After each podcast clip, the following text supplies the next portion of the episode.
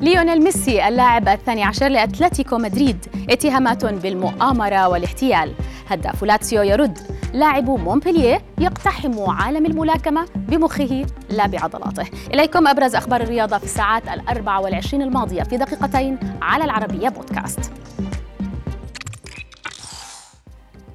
البداية مع تشيرو إيموبيلي لاعب لاتسيو الإيطالي الذي أثار الجدل في السوشيال ميديا برسالته التي وجهها اليوم عبر حسابه على الإنستغرام رد فيها على الاتهامات التي وجهها له رئيس تورينو عقب المباراة التي جمعت الفريقين في الدوري الإيطالي.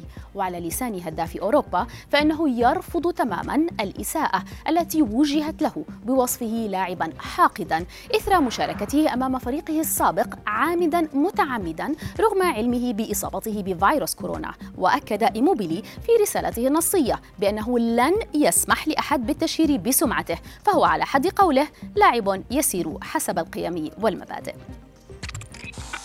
ثورة برشلونة بدأت وهو لابورتا يعلن حصوله أخيرا على قرض مالي بقيمة 500 مليون يورو للخروج من الأزمة الاقتصادية التي يعيشها الفريق الكتالوني صحيفة لوس بورتيو الكتالونية فصلت ديون برشلونة المتراكمة التي يصل مجموعها تقريبا لمليار و173 يورو بينهم 733 مليون يورو يجب أن يتم دفعهم في أقرب وقت ممكن إلى جانب 263 مليون يورو كديون مالية للبنوك و160 مليون يورو لموظفي برشلونة الذين أجلوا مستحقاتهم إلى جانب 200 يورو. مكافآت مؤجلة. وبعيدا عن الأمور المالية احتضنت العاصمة الإسبانية مدريد أمس عشاء عائليا جمع ميسي وسواريز مجددا. اللقاء شهد تواجد العائلتين سويا في أحد المطاعم الإيطالية. وبحسب صحيفة ماركا الإسبانية فإن ميسي استغل حصول برشلونة على عطلة من التدريبات مدة يومين وذهب لدعم صديق عمره في مبارياته المقبلة مع أتلتيكو مدريد مكتفيا بتناول الطعام سويا. ومع العائلة نبقى وكاي روني ابن الهداف التاريخي لمانشستر يونايتد الإنجليزي وين روني الذي يبدو واضحا إكماله لمسيرة والده المليئة بالانتصارات.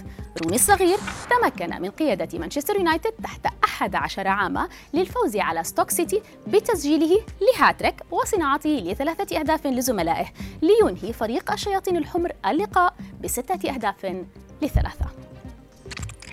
الختام مع الجزائري أندي ديلور لاعب مونبلييه الفرنسي الذي اقتحم عالم الملاكمة بمخه لا بعضلاته وذلك بتحرير مقدمة كتاب للفرنسي جيمي فيوني بطل العالم في الملاكمة التايلاندية والذي يحمل عنوان خمسون طريقة في الموي تاي.